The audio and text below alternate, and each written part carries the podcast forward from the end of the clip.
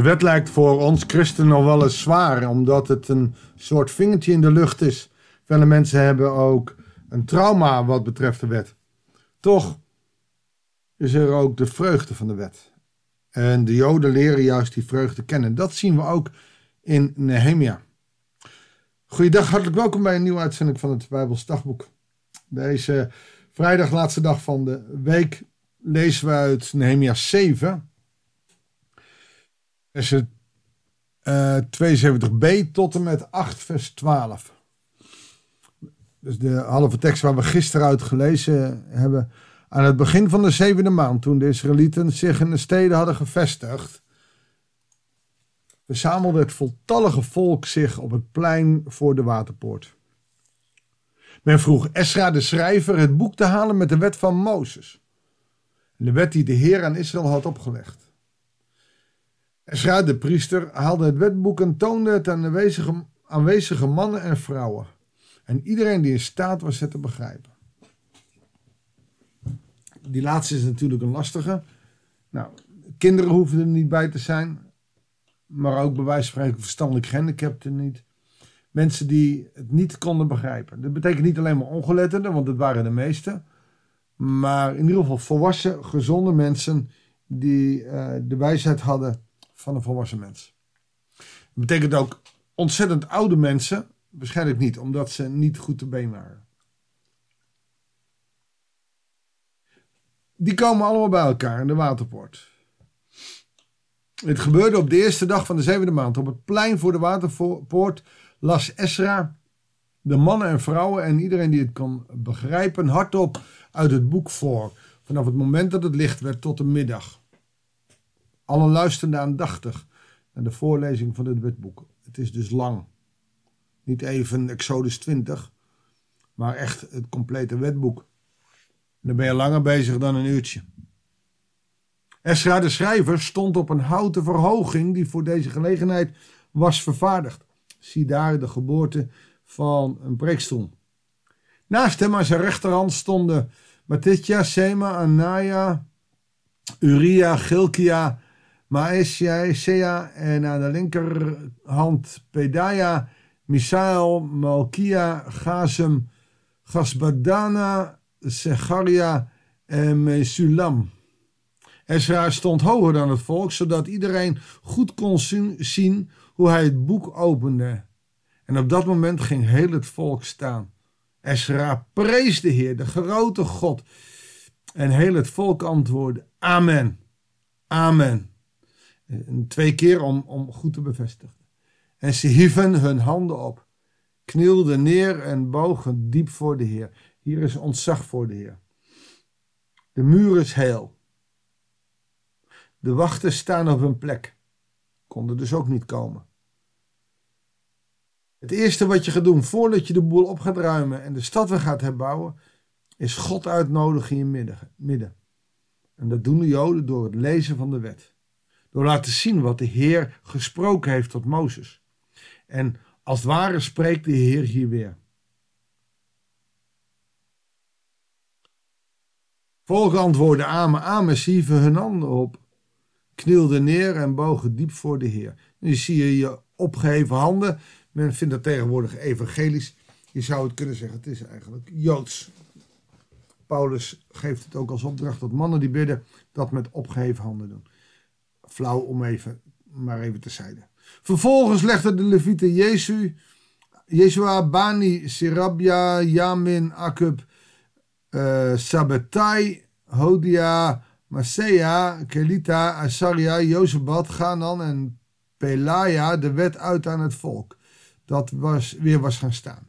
Wat gebeurt er nou? En dat kan je ook zien in het Nieuwe Testament. Ze hadden geen geluidsversterker, geen speakers. Uh, heb je wel eens bedacht hoe, hoe als Jezus uh, zijn preken doet aan 5000 man, hoe dat zit? 5000 man past niet in een kerk. Laat staan als je het buiten op het veld doet. Dan kan je het op een berghelling nog een klein beetje anseneren. Maar 5000 man is te veel om Jezus in één keer te laten spreken. dat geldt hier ook voor Esra. Die kan niet ineens al die duizenden mensen toespreken. Je hebt als ware speakers, oftewel sprekers nodig. Nou, dat is wat er bijvoorbeeld met de bergreden of bij uh, andere gelegenheden gebeurde.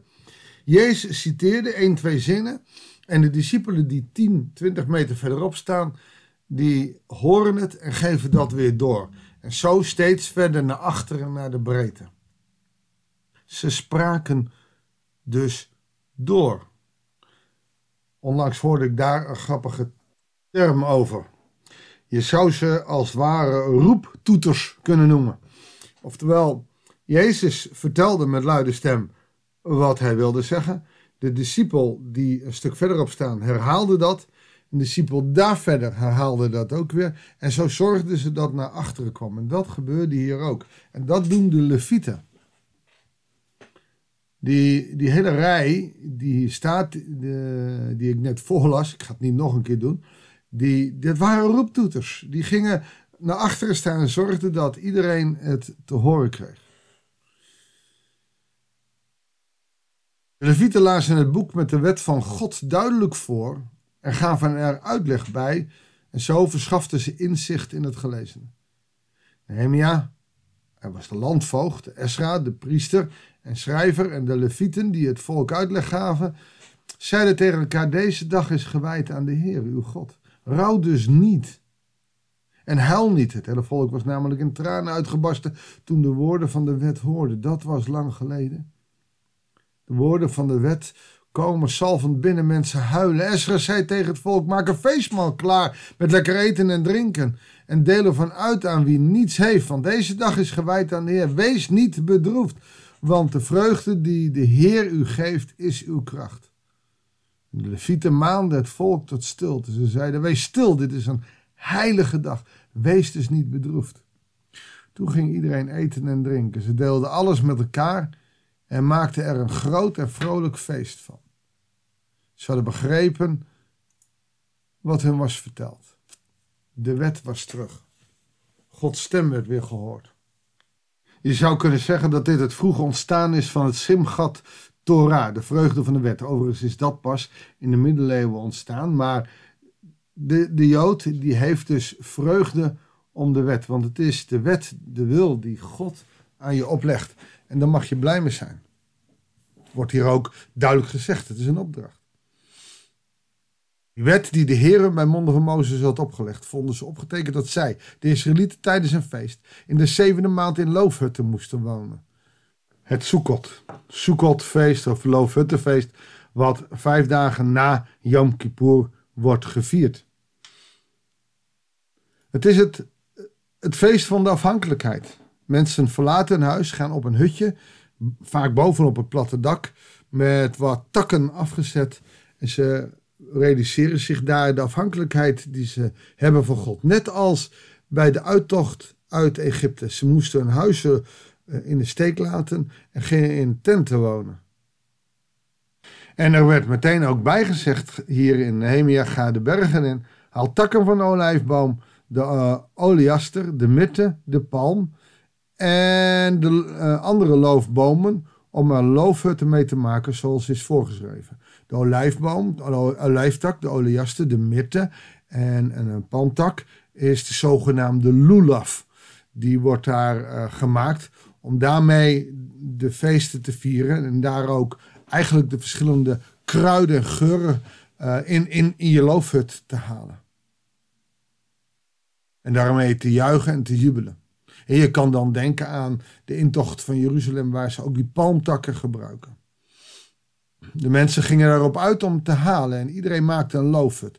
Op het dak en op zijn erf en op een voorover van de tempel en op de pleinen voor de waterpoort en de Ephraimpoort. De hele gemeenschap die uit ballingschap was teruggekeerd maakte loofhut en ging erin wonen.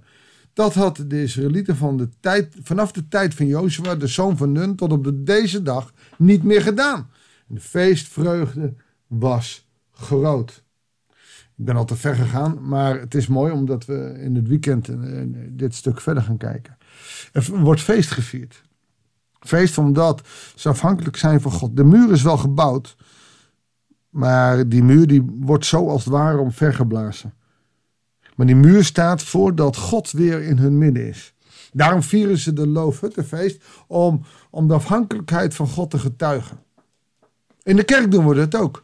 We beginnen met de foto met groet. Onze hulp is in naam van God de Vader die hemel en aarde gemaakt heeft. Dit fotum is de afhankelijkheid die we van God hebben. Niet wij, maar God moet het met ons doen. Zullen we dat ook danken en bidden? Heer, want onze hulp komt van U, die hemel en aarde gemaakt heeft.